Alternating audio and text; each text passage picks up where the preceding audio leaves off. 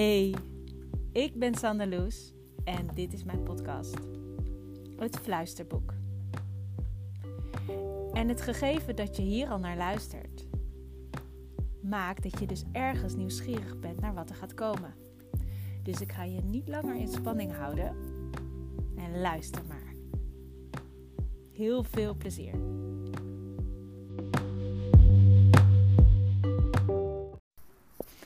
Zo, even aan de wandel. En ondertussen tegen jou aan praten.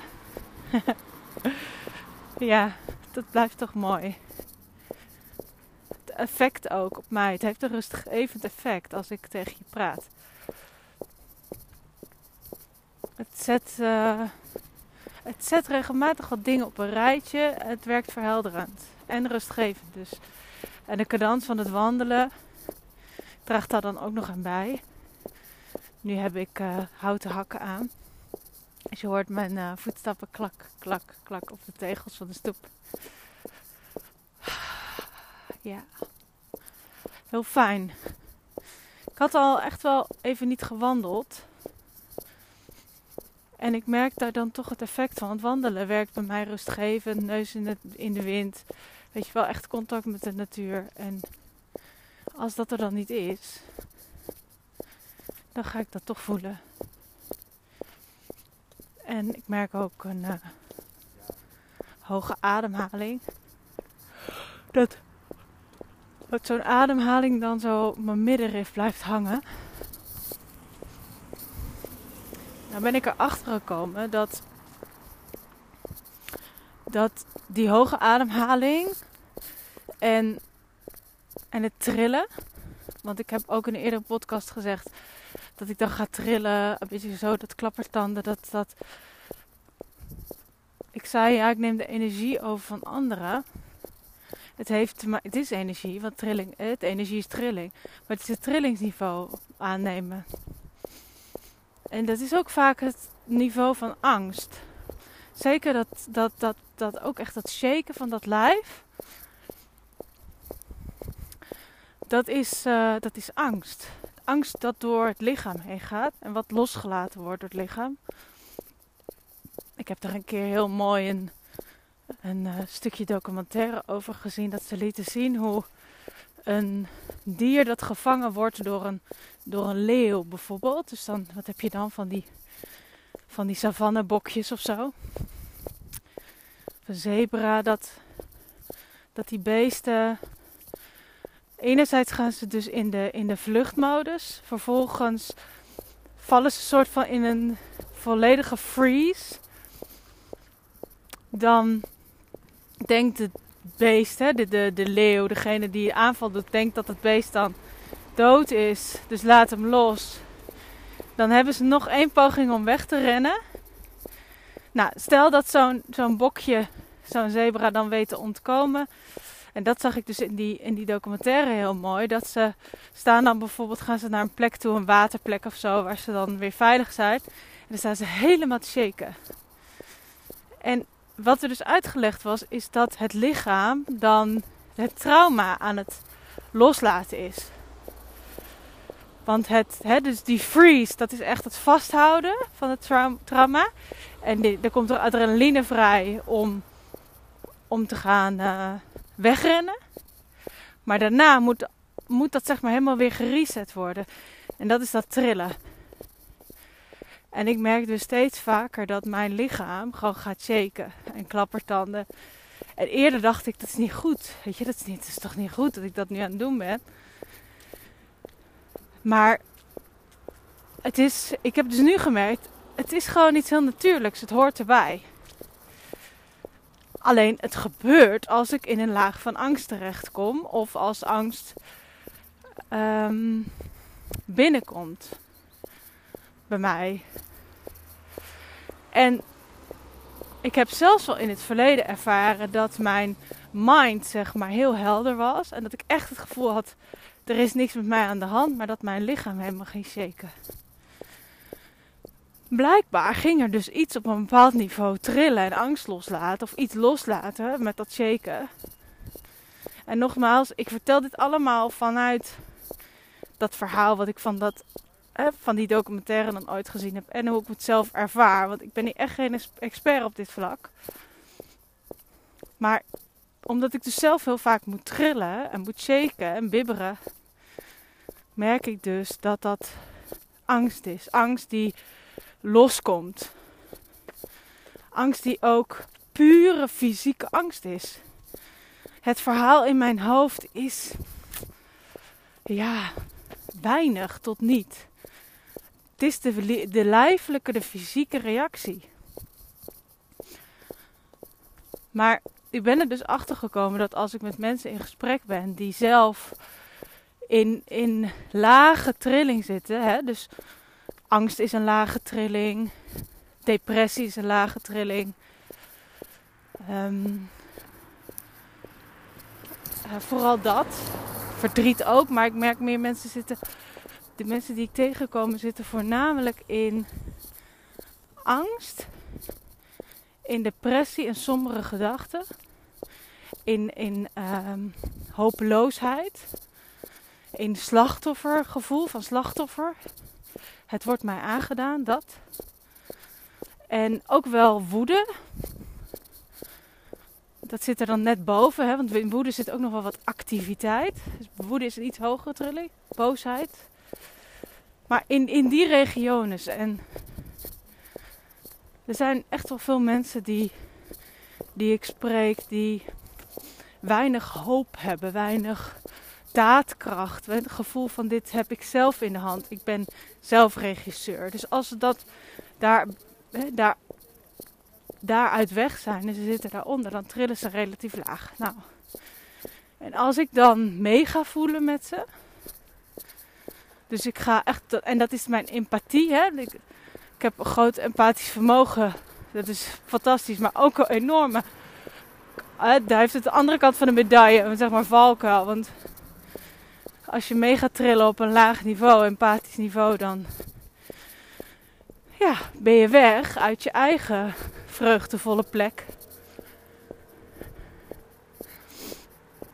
En dan heb je het dus over empathie ga je meedoen. Als je vanuit compassie doet, dan heb je de compassie voor, maar dan ga je niet meedoen. Ga je niet mee voelen, dan heb je er alleen compassie voor. Dan mag iemand gewoon zijn waar die is daar is het veel meer in balans. Hè? De ander is gewoon waar die is en jij bent daar waar jij bent. En dat mag naast elkaar bestaan. En ik heb dus voor mezelf ontdekt: oké, ik ga dus meetrillen met de ander. En sinds ik dat vorige week aan het einde van de week door had, ben ik daar nu mee aan het spelen. Dus ik heb voor mezelf alsof ik voor mezelf een plekje heb waar ik in mijn eigen trilling zit. Hè? Ik voel me goed, ik voel me prima. Ik heb het naar mijn zin, ben lekker aan het werk. En dan eh, ben ik in gesprek met iemand anders die zelf in een lage trilling zit. En ik heb dus voor mezelf alsof ik een soort van hoog ziet. Je kent wel van die. Van, je hebt zeg maar in de bos soms voor, ja, voor jagers, dat weet ik dan van mijn grootvader, die deed dat. Dan heb je van die enorme hoge stoelen. Dan kun je zo neerkijken. En, of zo'n tennis. Zo'n stoel bij tennis. Van die, van die scheidsrechters. Dat je dus... Ik zit hier. En het is wel lekker uitzicht hier. En, ehm, en ik wil hier blijven. Uh, en dat heeft dus niks te maken met hoog of laag niveau. Hè? Of op, op iemand neerkijken. Zo moet je het niet zien. Maar meer zo van, nou, ik zit hier op mijn berg, weet je wel. Ik heb prachtig uitzitten. En iemand is daar in het dal. En ik kan wel met die persoon communiceren. Weet je, dat gaat helemaal goed. Maar ik wil niet mee het dal ingetrokken worden. En daar ben ik dus nu mee aan het spelen. En dat gaat, ja, gaat goed. Ik kan het effect voelen. Maar ik kan ook voelen van, oh ja, er zit ook nog een stukje onbewust... Uh, onbewust bij. Want op een gegeven moment merk ik wel dat ik toch wat naar beneden ben gegaan. Ik kan het ook merken aan wat ik vraag aan de persoon. Of wat ik opmerk. Als ik voor die ander ga denken. Als ik voor die ander ga meevoelen. En dingen ga aanvullen waarvan de persoon zelf niet, helemaal niet mee komt. Dan ga ik al naar beneden.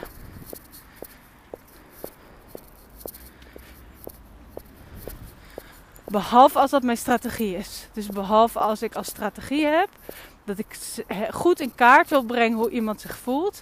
En dan kan ik aannames doen, zodat de ander daarop uh, kan anticiperen. Hè? Dus dan schets ik een situatie. Ik zeg, ik zou me zo kunnen voorstellen dat jij je zus of zo voelt op dit moment. Als dat, klopt dat? Komt dat in de buurt? Dat is een ander verhaal.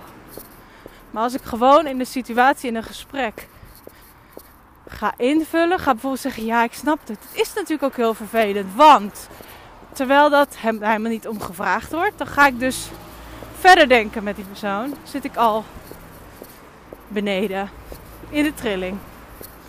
En dan inderdaad ga ik trillen, krijg ik het koud. Krijg ik een hoge ademhaling, word ik moe, zie ik het niet meer helder. En als dan iemand bijvoorbeeld weer over zijn situatie begint waar die zo in vast zit, dan merk ik ook dat ik er niet meer makkelijk iemand eruit kan halen. Want ik zit mee te trillen. Terwijl als ik op een veel hogere frequentie zit en iemand begint over, ja, want. En er komt weer een verhaal wat alleen maar bevestigt over hoe ellendig alles is. Dan kan ik veel makkelijker iemand mee, hè. Alsof ik aan de hand meeneem. Zeg, kom maar, kom maar even deze kant op. Waar hier schijnt de zon meer. Kom even uit de schaduw, de zon in. Hier is lekker warm. Hier is het fijn om te vertoeven. Dus het heeft natuurlijk ook als, als zorgverlener, als, uh, als coach en als begeleider alleen maar positief effect als je in je hoge trilling blijft zitten.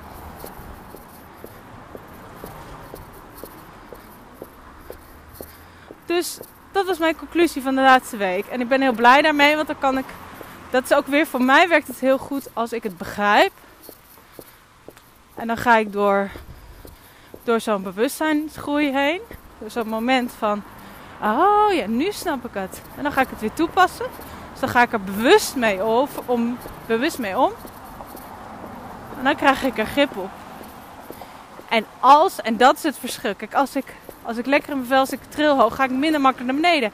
Maar als ik dan zelf een keer een periode heb waarin ik best wel moe ben, niet zo lekker in mijn vel zit, dan kan ik dus heel bewust schakelen daarop. Want ja, als alles trilling is en je zit zelf gewoon een keer niet lekker in je vel, dan tril je dus heel snel makkelijk mee met de ander. Wordt het nog zwaarder. Terwijl als je dan bewust kan schakelen en ook bewust dingen kan doen om al van tevoren je in veel meer met veel meer plezier en vreugde en gemak te, ja, te, te hullen, zeg maar. dan ben je ook weer op een veel prettigere manier in gesprek met een ander.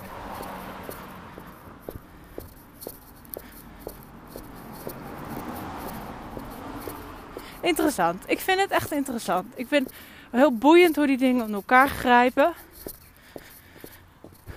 En mijn doel, want ik denk nu ja, waar ben ik eigenlijk naar onderweg? Dat weet ik heel goed ben onderweg nadat ik uiteindelijk alleen maar dat inbreng in een gesprek.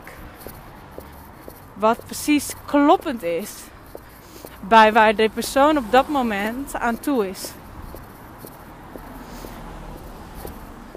En dat ik niet meer, helemaal niet meer, de ander ergens iets wil ontnemen, hè, last last wil verlichten of iets duidelijk wil maken terwijl die persoon daar nog niet is. Dat ik daar geen. Ik hoef dat niet meer te doen. Ik hoef alleen iets aan te reiken. En ik weet dat daar veel meer stilte van uitgaat. Dus dan, dan verkeer ik veel meer in een situatie van stilte. En dan in die stiltes, daar gebeurt de magie. Het inzicht bijvoorbeeld aan de andere kant. Achteroverleunen. Ja. Daar heb je hem weer. Achteroverleunen. En laat het maar gebeuren. Laat het maar ontstaan.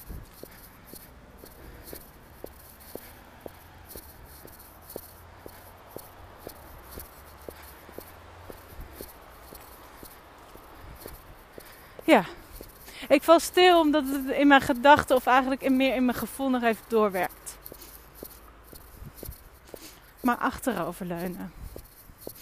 En het maar laten ontstaan. En van een afstandje blijven kijken. En verstillen. Precies dat, verstillen.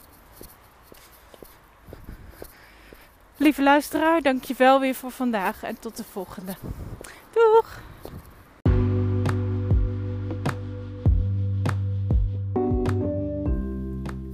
Nou, dat was hem alweer. En? Vond je het wat? Heb je genoten? Ga je er nog eentje luisteren? Als je nou naar aanleiding van deze aflevering of andere afleveringen een vraag hebt, uh, iets wil weten, iets wil vertellen, iets wil delen, alsjeblieft doe dat. Zoek me op. Je kan me vinden op Instagram, Sanne underscore Loes, Sanne Loes.